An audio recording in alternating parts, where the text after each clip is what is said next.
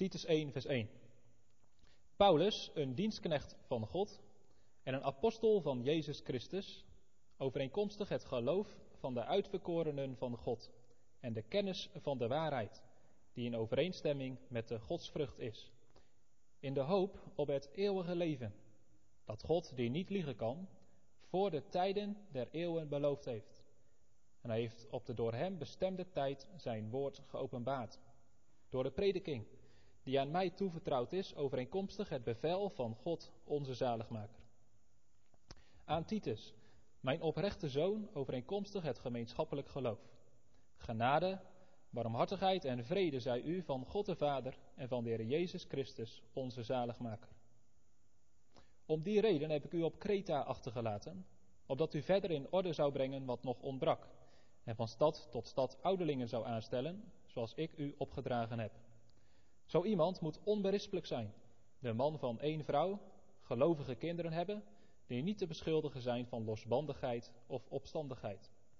Want een opziener moet onberispelijk zijn, als een beheerder van het huis van God, niet eigenzinnig, niet opvliegend, niet verslaafd aan wijn, niet vechtlustig, niet uit op oneerlijke winst, maar gastvrij, goedwillend, bezonnen, rechtvaardig, heilig, beheerst, iemand die zich houdt aan het betrouwbare woord dat overeenkomstig de leer is, zodat hij bij macht is anderen te bemoedigen door het gezonde onderwijs en ook de tegensprekers te weerleggen. En dan verder vanaf hoofdstuk 3, vers 1 tot en met 8. Herinner hen eraan dat zij de overheden en de machten onderdanig behoren te zijn, dat zij hun gehoorzaam zijn en dat zij tot elk goed werk bereid zijn. Dat zij niemand belasteren, niet strijdlustig zijn, maar welwillend en alle zachtmoedigheid bewijzen aan alle mensen. Want ook wij waren voorheen onverstandig, ongehoorzaam, dwalend, verslaafd aan allerlei begeerten en hartstochten, levend in slechtheid en afgunst, hatelijk en elkaar hatend.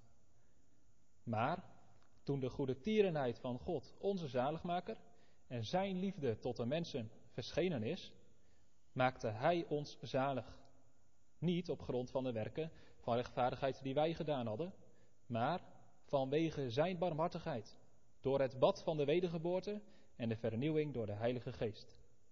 Die heeft hij in rijke mate over ons uitgegoten, door Jezus Christus, onze zaligmaker. Opdat wij, gerechtvaardigd door zijn genade, erfgenamen zouden worden overeenkomstig de hoop van het eeuwige leven. Dit is een betrouwbaar woord. En ik wil dat u deze dingen sterk benadrukt, opdat zij die in God geloven ervoor zorgen dat zij anderen voorgaan in het doen van goede werken. Deze dingen zijn goed en nuttig voor de mensen. Tot zover onze schriftlezing. Vorige week zondagavond hebben wij gekeken naar Titus 3, vers 1 over het onderdanig zijn naar de overheden en de machten. Ik wil vanmorgen met u kijken naar Titus 3, vers 3. Titus 3, vers 3. Want ook wij waren voorheen onverstandig, ongehoorzaam, dwalend, verslaafd aan allerlei begeerten en hartstochten, levend in slechtheid en afgunst, hatelijk en elkaar hatend. Zoals ik in het gebed ook noemde, volgende week zou het eigenlijk viering van het avondmaal zijn. Dat kan helaas niet doorgaan. Maar ik dacht het is mooi om in de preekstof wel daarbij aan te sluiten.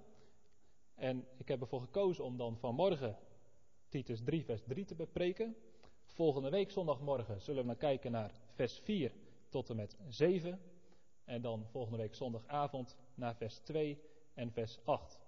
Dus dan hebben we eigenlijk alle versen gehad van Titus 3, vers 1 tot en met 8. Vanmorgen vers 3 en we letten op twee dingen.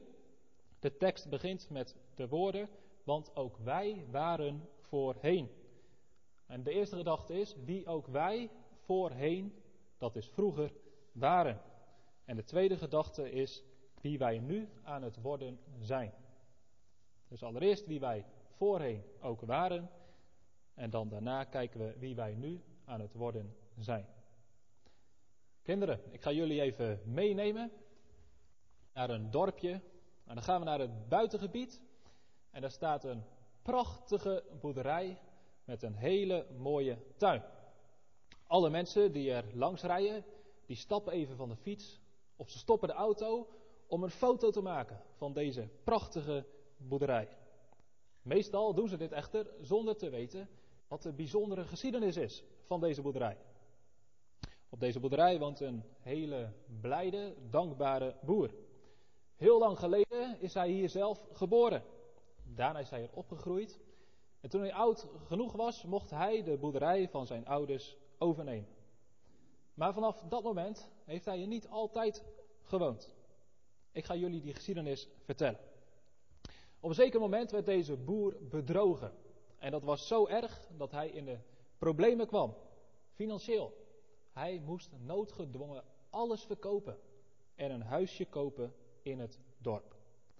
Dat deed hij met veel pijn en met veel verdriet. De plaats waar hij jarenlang voor had gewerkt, dag en nacht hard had gewerkt, moest hij verlaten. En alsof dat nog niet erg genoeg was voor de boer, de boerderij kwam in handen van iemand die liever lui dan moe was. Die man die weigerde iets te doen aan de boerderij en aan de tuin. Misschien dacht die man wel, alles zal wel vanzelf positief zich ontwikkelen als je niks aan doet. Maar het tegendeel was waar. Langzaam maar zeker raakte alles in verval. Het onkruid overwoekerde de tuin. Al snel werd zelfs het stenen terras een wild natuurgebied. Overal groeiden wilde bramen, brandnetels en ander ongewenst onkruid. Het dak van de boerderij ging kapot. Het begon te lekken. Overal kwam rot in het hout. In de muren kwamen scheuren. Op een gegeven moment waren de ramen kapot. Er kwamen de planken voor. Het zag er niet uit. En alle mensen die hier langskwamen, die keken eigenlijk vol afschuw naar deze plek. Nou, misschien zie je het een beetje voor je. En anders moet je maar eens op internet zoeken naar afbeeldingen van een vervallen huis of een verwilderde tuin. En dan kun je zien wat ik zojuist heb beschreven. Nou, jullie begrijpen het grote verdriet van die boer die daar eerst had gewoond. Jaar na jaar moest hij aanzien hoe de tuin steeds meer een wildernis werd en de boerderij in verval raakte. En hij besloot er alles aan te doen om die boerderij weer terug te krijgen. Hij spaarde hard, hij werkte hard en eindelijk, na jaren, lukte het hem om genoeg geld te hebben om de boerderij weer terug te kopen. Wat was hij blij toen hij opnieuw de eigenaar was van zijn boerderij.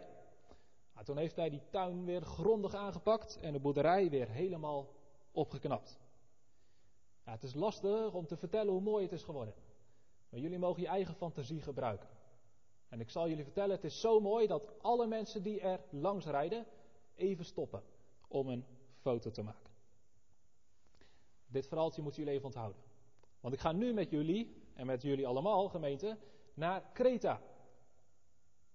En dan gaan we niet kijken naar een verwilderde tuin die vernieuwd is, of naar een gerestaureerde boerderij. Nee, we gaan vanmorgen kijken naar vernieuwde mensenharten en gerestaureerde mensenlevens. We gaan de gelovigen op Kreta ontmoeten. Het zijn vriendelijke, oprechte, gastvrije en verstandige mensen. En ook zij hebben een bijzondere geschiedenis. Zoals we vorige week al hebben gezien en zojuist hebben gelezen in hoofdstuk 1, is de brief geschreven door Paulus aan Titus, die op dat moment op het eiland Kreta is. Dat staat in hoofdstuk 1, vers 5. Om die reden heb ik u op Kreta achtergelaten. Een eiland in de Middellandse Zee onder Griekenland, waar Paulus was geweest om het evangelie te verkondigen. En in de verschillende steden op dat eiland waren mensen tot bekering en geloof gekomen, waren gemeenten gesticht. En toen was Paulus weer verder gereisd. Maar hij had Titus achtergelaten met het doel om in elke gemeente ouderlingen aan te stellen. Nou, en dan staat er in Titus 1, vers 6 tot en met 9, hoe die ouderlingen moeten zijn.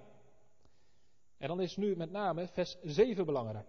Er staat van die mensen die ouderling moeten worden, mogen worden, dat ze onberispelijk moeten zijn. Ze mogen niet eigenzinnig zijn, niet opvliegend, niet verslaafd aan wijn, niet weglustig en niet uit op oneerlijke winst. En het is niet voor niks dat Paulus juist deze dingen noemt.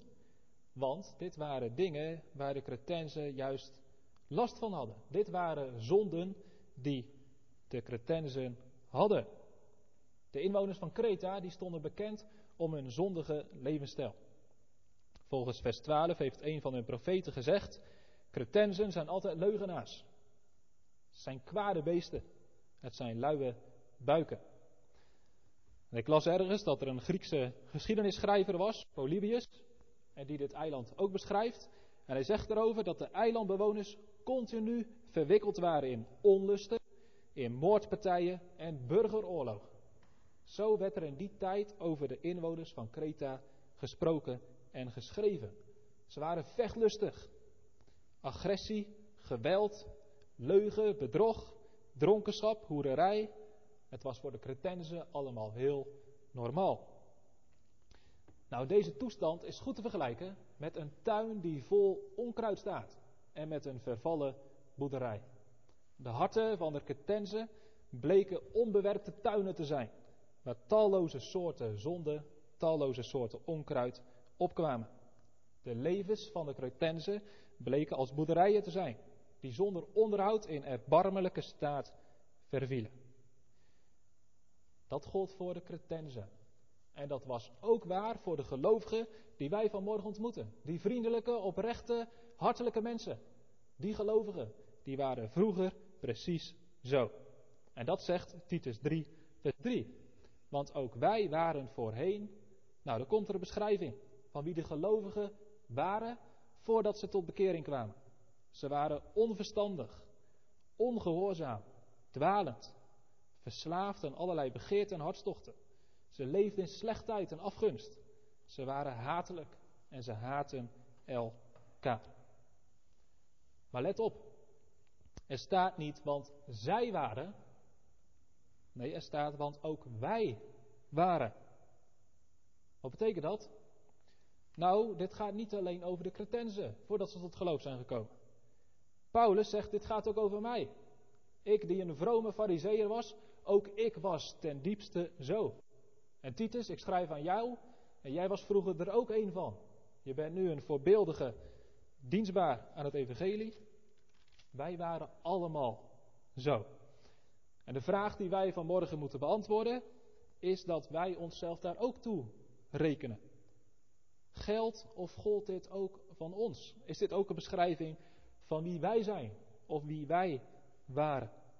Kunnen wij dit van onszelf ook zeggen? Wij waren onverstandig, ongehoorzaam, dwalend. Dat is allemaal niet zo positief. Eigenlijk is het heel triest dat dit van mensen gezegd moet worden. Want als we helemaal terug naar het begin gaan, naar het paradijs, toen God de mens maakte, dan staat er dat God de mens schiep naar zijn beeld. Dat was goed, volmaakt. De mens was geschapen in ware kennis. Hij was niet dwaas. Hij had de juiste kennis. In gerechtigheid. In heiligheid. De mens zonder slechte begeerten. Maar alleen het verlangen om God te verheerlijken en Hem te eren. Te doen wat Hij zei. Zo waren wij voorheen. Maar toen kwam de zondeval. Genesis 3.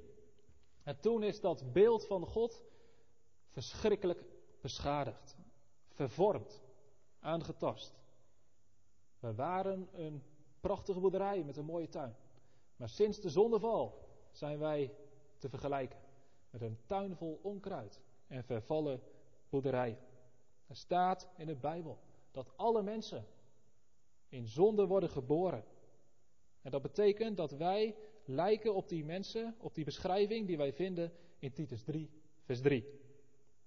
Dus van alle mensen, van u of jou geldt of dit, u bent zo, of u mag zeggen door de genade van God, zo ben ik geweest.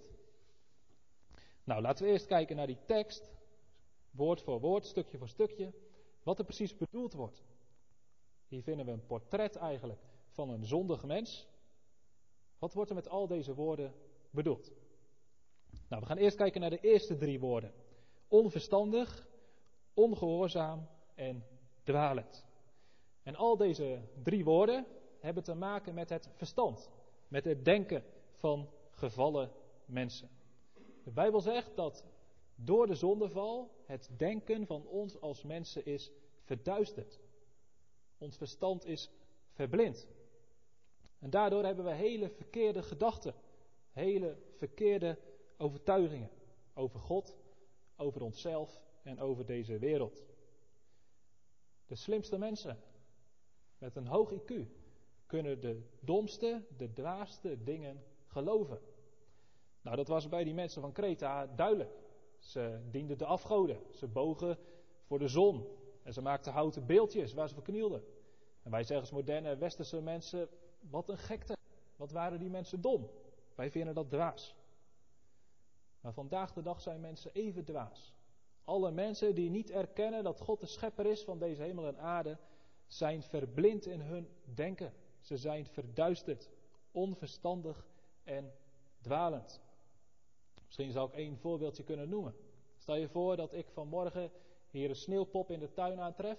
En ik zou tegen mensen zeggen: Ik geloof dat deze sneeuwpop vannacht spontaan ontstaan is. Doordat het heel hard sneeuwde en heel hard waaide.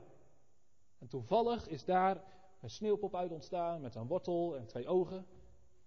Zomaar toevallig. Nou, dan zouden alle mensen maar heel hard uitlachen. Dat is dom om te geloven. Dat kan natuurlijk niet. Maar diezelfde mensen kunnen met een stalen gezicht zeggen dat deze prachtige wereld ontstaan is uit een botsing van meteorieten. Toevallig, zomaar. Nou, daar zegt de Bijbel over. Mensen denken dat ze slim zijn. Ze geven zich uit voor wijze. Maar ze zijn dwaas geworden. Maar dit geldt ook voor mensen die wel in God geloven. We kunnen in God geloven en daarbij hele verkeerde ideeën hebben over wie God is. We kunnen bijvoorbeeld denken dat het kennen van God, het dienen van God, dat dat saai is. Dat het vervelend is, dat het helemaal niet leuk is. Dat de begeerte van deze wereld, het plezier wat we kunnen krijgen in het leven, dat ons dat meer vreugde geeft. Nou, dat is een leugen. Dan zijn we misleid in ons denken. Dan dwalen we. Dat is een hele slechte gedachte over God. Want er is niks heerlijker en er is niks beter dan Hem te kennen en Hem te dienen. Niets of niemand kan ons zoveel vreugde geven dan God zelf. We kunnen op een hele andere manier ook dwalen in ons denken. Als we bijvoorbeeld een beeld van God hebben dat Hij alle zonden zomaar wil vergeven. Dat God eigenlijk de zonde niet kan straffen. Dan hebben we verkeerde gedachten. Want God is heilig. Hij is rechtvaardig. En Hij zal al het kwaad eerlijk straffen. Nou, veel voorbeelden zijn te noemen hoe wij als mensen heel snel verkeerde gedachten maken hebben over God, die helemaal niet kloppen. We kunnen ook verkeerde gedachten hebben over onszelf en over het leven hier op aarde. Hoeveel mensen denken er niet dat het leven hier op aarde alles is? Dat als je sterft, dat het dan over en uit is. Mensen gaan door het leven alsof alles hiervan afhangt. En ze houden geen rekening met de eeuwigheid. Mensen proberen hier rijk te worden, hier gelukkig te worden, hier een succesvol leven te hebben. Ja, dan brengt corona roet in het eten. Maar we zeggen tegen elkaar: houd moed, houd vol. Er komt straks vast een moment dat het weer beter gaat. Maar we vergeten vaak dat we als mensen sterfelijk zijn. En dat alle mensen eens moeten sterven. En zegt de Hebreeën: daarna komt het oordeel. We leven hier op aarde maar tijdelijk. Maar onze toekomst is eeuwig. Eeuwig in de hemel of eeuwig in de hel. Nou, heel veel dingen zijn te noemen waarop wij als mensen verduisterd en verblind zijn in ons denken. De zonde heeft macht gekregen over onze gedachten. Dat is niet het enige. De zonde heeft ook macht gekregen over ons hart, over onze begeertes, over onze verlangens. En dat zeggen de volgende woorden in de tekst. Verslaafd aan allerlei begeerten en hartstochten. Dat betekent dat wij door de zonde ons niet laten leiden door de Bijbel, door het woord van God en door de geest, maar we laten ons leiden door onze eigen verlangens, onze eigen begeerten, onze eigen driften. En helaas, die verlangens die in ons hart leven, zijn vaak in strijd met de Bijbel, met de wet van God. En we vinden het moeilijk om God te gehoorzamen. We willen het niet. Want we zijn slaven van verkeerde verlangens. Verlangens om rijk te worden, om macht te krijgen, om heel veel plezier te beleven, om seksueel bevredigd te blijven, om gerespecteerd te worden, om populair te zijn. Ons hart is vol van verlangens die in strijd zijn met de wil van God. En er komt nog bij, dat heeft ook mee te maken, onze verlangens zouden gericht moeten zijn op God. Maar onze verlangens zijn van nature gericht op onszelf. Wij vinden onszelf heel belangrijk. En we vinden dat andere mensen ons ook heel belangrijk moeten vinden. We denken soms dat wij het middelpunt zijn van het universum. Alles draait om ons. We zijn in onze verlangens gericht op ons in plaats van op God. En daarom zijn we slaven van allerlei begeerten en hartstochten. En doordat we al die verlangens hebben en daar slaven van zijn, worden we ook beïnvloed in ons gedrag. En daar gaan de laatste woorden over in de tekst. Levend in slechtheid en afgunst, hatelijk en elkander hatend. Deze tekst geeft precies hoe het werkt bij ons als mensen. We hebben bepaalde gedachten en daardoor bepaalde verlangens en daardoor handelen we, doen we op een bepaalde manier. En omdat we verkeerde gedachten hebben, hebben we ook verkeerde verlangens. En hebben we ook verkeerde gedrag. Nou, en wat is dit voor de gedrag? Dit is typisch voor de Cretenzen. Het waren mensen die vechtlustig waren. Mensen die vijandig gezind waren. Dat zegt dat eerste woord. Slechtheid. Dat betekent dat je vijandige neigingen hebt. Je vindt jezelf het belangrijkst. En als anderen dat niet vinden, dan heb je eigenlijk ruzie met die persoon. Als anderen je niet de complimenten geven, als anderen een keer negatief over je praten, je balt gelijk je vuist. Afgunst. Dat betekent dat je anderen voorspoed niet gunt. Dat je anderen geen gezondheid gunt als je zelf ziek bent. Dat je anderen geen eer gunt als je zelf die eer niet krijgt. Wij willen als mensen zelf de beste zijn. De belangrijkste zijn. Nou, hoeveel ruzies, hoeveel strijd, hoeveel bedrog en ander kwaad in ons leven is niet te verklaren alleen hieruit. Dat wij onszelf zo belangrijk vinden. Dat we zoveel gericht zijn op onszelf. In plaats van op God en op de ander. Nou, dit is een portret, dit is een plaatje van de mens na de zondeval. Hoe de mens onder de macht van de zonde is gekomen. Ons verkeerde denken is als, als een tuin met vruchtbare grond voor allerlei onkruid. En zodra we slechte gedachten hebben, dan kunnen ze makkelijk ontkiemen in onze harten. En ons leven wordt overwoekerd door talloze vormen van zonde. Zo. Maar zegt iemand, is dit wel echt waar voor alle mensen? Is dit niet gewoon zo voor heidenen, voor cretensen? Is dit niet waar voor die mensen toen, net zoals het misschien nu waar is voor mensen die in het oerwoud leven en zo leven hebben? Moesten we niet een verschil maken, een onderscheid maken tussen de cretensen toen en Nederlanders vandaag de dag? Of tussen mensen in de kerk en mensen buiten de kerk? Tussen fatsoenlijke burgers en gewoon echt criminelen? Maar in zekere zin kun je dat onderscheid zeker maken. Niet bij alle mensen groeit hetzelfde onkruid. En niet elk onkruid groeit in elk hart even snel. Dus er is verschil.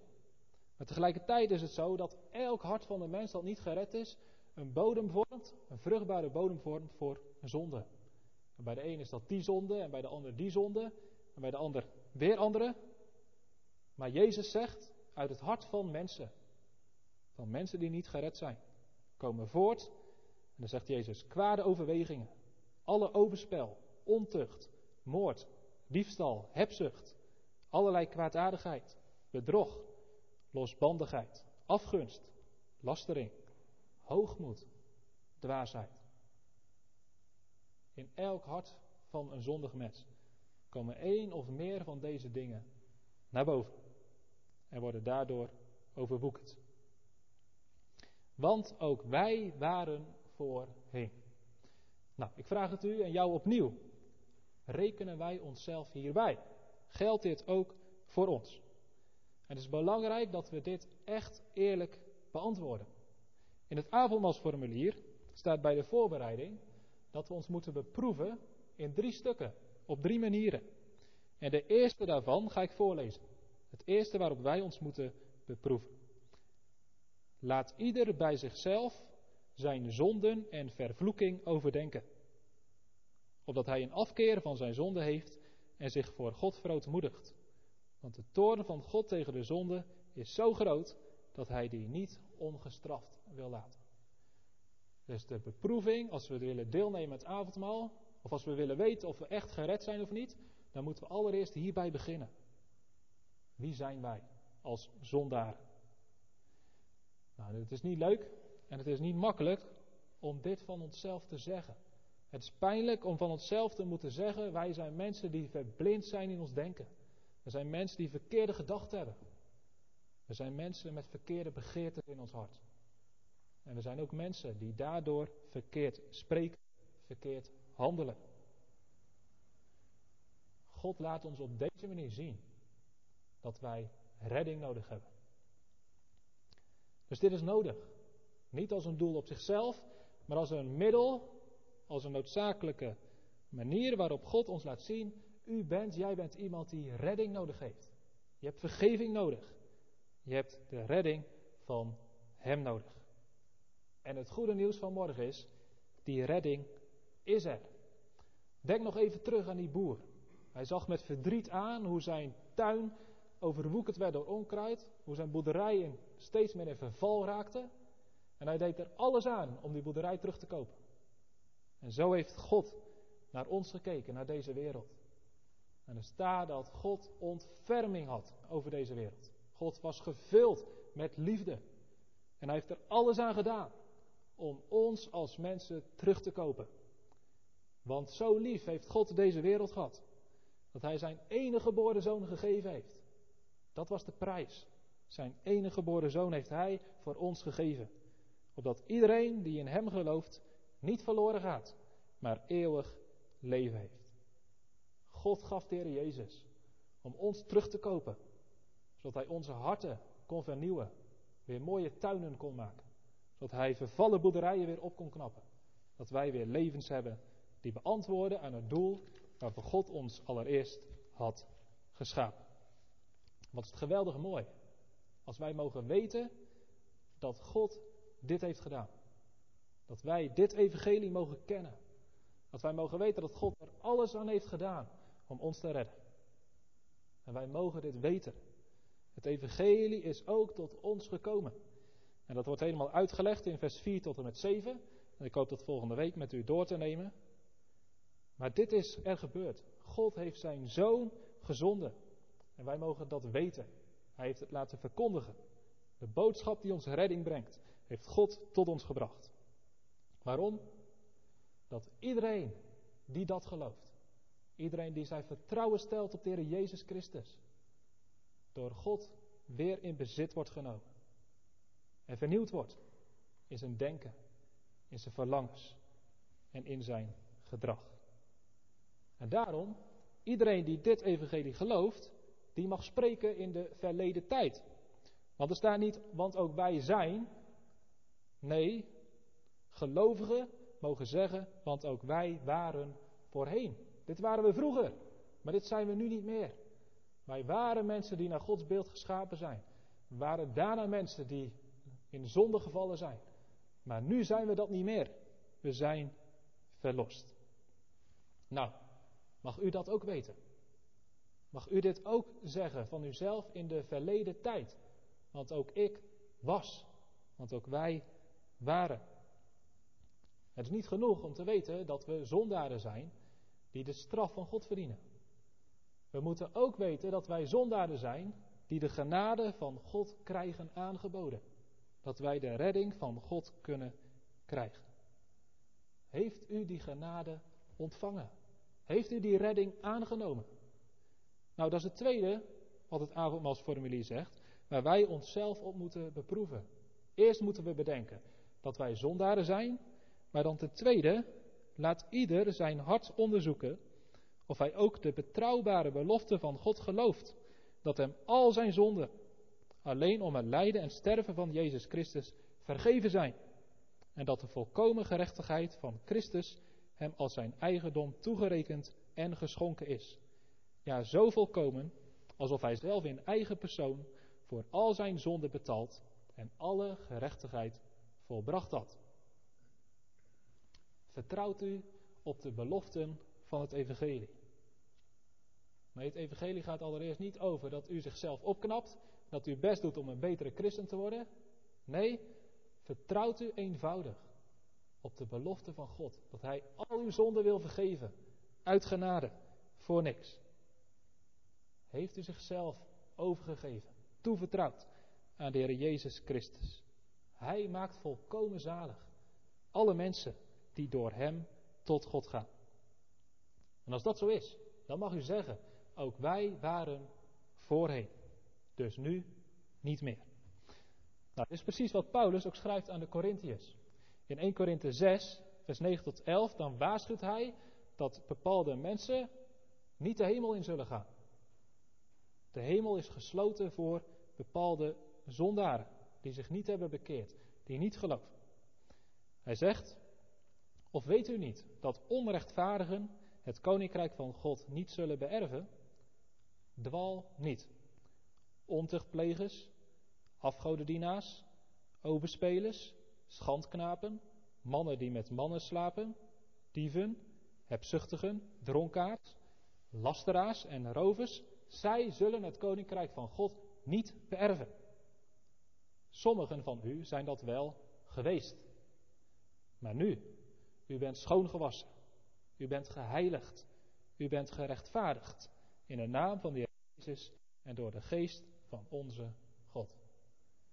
Zo mogen wij als gelovigen naar onszelf kijken. Wij waren voorheen zondaren. Maar nu, we zijn gewassen, witter geworden dan sneeuw. We zijn gerechtvaardigd. We zijn geheiligd. We zijn vernieuwde tuinen en gerestaureerde boerderijen. Zoals Paulus het zegt tegen de Colossense, u bent in Christus volmaakt. Dat bent u. In Christus bent u volmaakt. En als we dit beseffen, als we dit ons door laten dringen, dan komen er in onze, onze gedachten, in onze harten veranderingen. Dan gaan we nieuwe verlangens krijgen. En dat is het derde waar wij ons op moeten beproeven, zegt het avondmaalsformulier. Of wij dit werkelijk hebben ontvangen, deze goede boodschap. En als we dat werkelijk hebben ontvangen, dan zullen we ook dit herkennen. Laat ieder zijn eigen geweten onderzoeken of hij ook gezind is, voortaan met zijn hele leven waarachtige dankbaarheid aan God de Heere te bewijzen en oprecht te wandelen voor Gods aangezicht.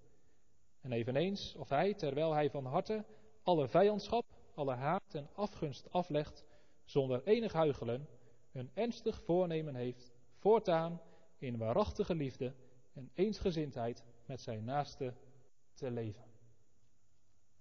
Als u dit herkent, het verlangen om de zonde los te laten, om te leven tot eer van God, in de liefde met de mensen om u heen, dan is dat het werk van de Heilige Geest.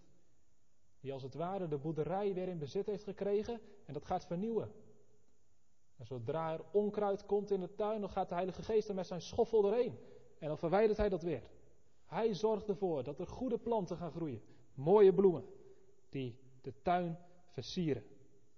De Heilige Geest zaait goed zaad in ons harten. Zodat we niet wandelen in de zonde, maar in goede werken. En iedereen die dan ons ontmoet. En die wist wie wij waren. Die verwondert zich. Die verbaast zich. Hoe kan dit? Wat een verandering heeft die persoon ondergaan. Het is bijzonder om een zondaar te ontmoeten die gered is. Waar is zijn vechtlust? Het heeft plaatsgemaakt voor hartelijke liefde en vrede. Waar is zijn onbezonnen drankgebruik en hoererij? Het heeft plaatsgemaakt voor beheersdheid en reinheid. Waar is zijn bedrog en zijn leugen? Het heeft plaatsgemaakt voor eerlijkheid en oprechtheid vernieuwde mensenharten en gerestaureerde mensenlevens zijn zeker een foto waard.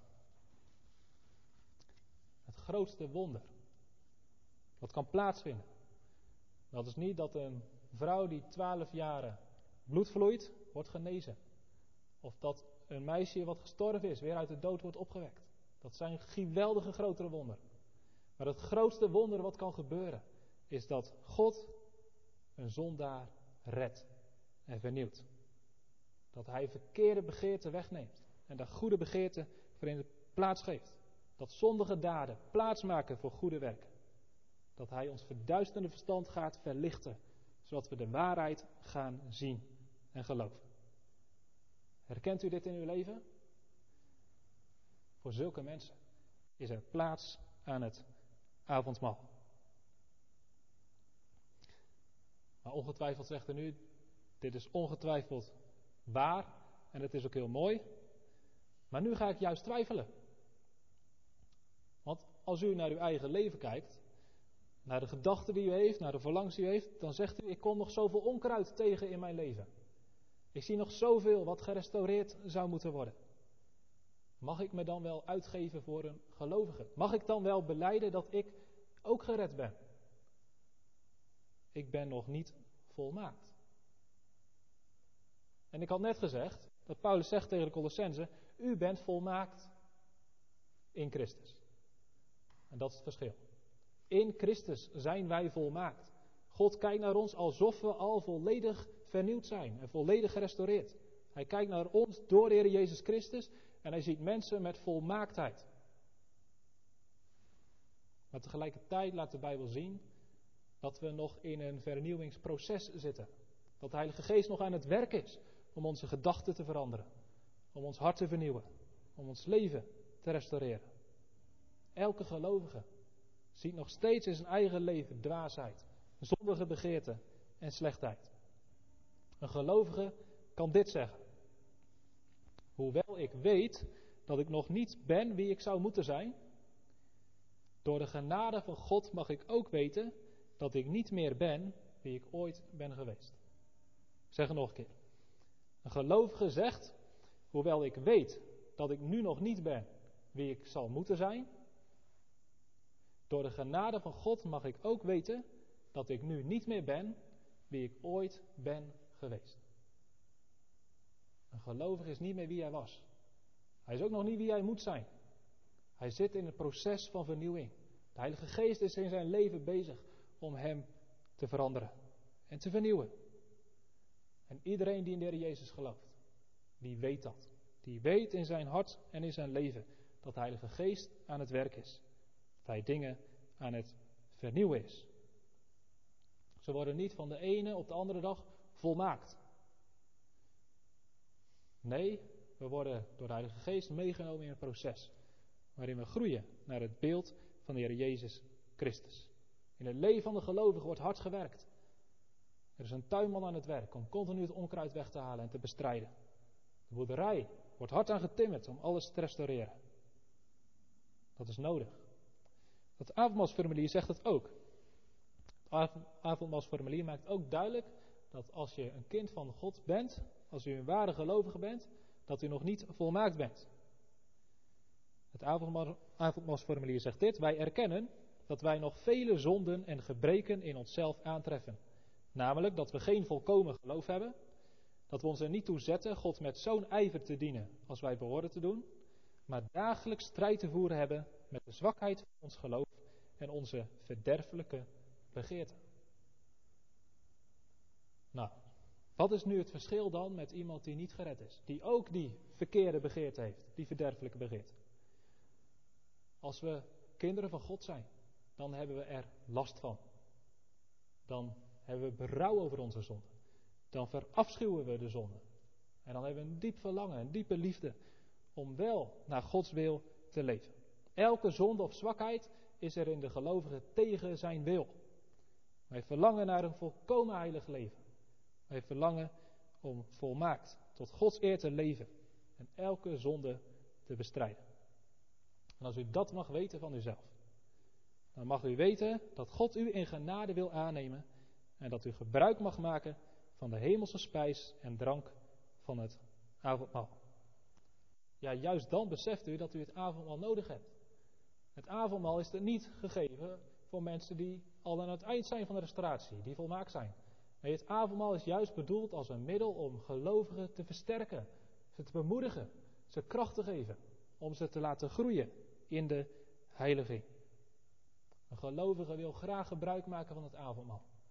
Want hij weet, dit is een middel wat God heeft ingesteld. Wat mij kan helpen om vaster te vertrouwen op de belofte van het evangelie. Om meer te zien op de Heer Jezus. Om de Heilige Geest meer ruimte te geven in mijn hart en in mijn leven te werken. Het avondmaal is één van de middelen. Ook het woord, kerkdiensten, gebed, samen zijn met andere gelovigen. Zijn allemaal middelen die God ons heeft gegeven. Om ons te laten groeien naar het beeld van de Heer Jezus. Zo geven wij de geest de ruimte om ons naar het beeld van Jezus te restaureren. Van heerlijkheid tot heerlijkheid. Ik wil afronden met Efeze 5. In Efeze 5 staat dat Jezus Christus zichzelf heeft gegeven voor de gemeente, voor de gelovigen. Met als doel om hen te heiligen, om hen te reinigen, om ons in heerlijkheid voor hem te plaatsen. Een gemeente zonder smet of rimpel of iets dergelijks, maar heilig en smetteloos. Hiervoor is de Jezus naar de aarde gekomen. Hiervoor heeft Hij zijn bloed gestort. Om vervallen boerderijen te kopen, volledig te restaureren. Om zondige mensenlevens te redden. Om ze volledig te vernieuwen. Dat wij straks, als we in de hemel zijn, misschien nog terug kunnen kijken naar wie wij voorheen waren. En ons verbazen en verwonderen dat wij nu zijn wie we dan mogen zijn. Volkomen gerestaureerd naar het beeld van God. Dat is de hoop van het eeuwige leven. Dit is een betrouwbaar woord. Amen.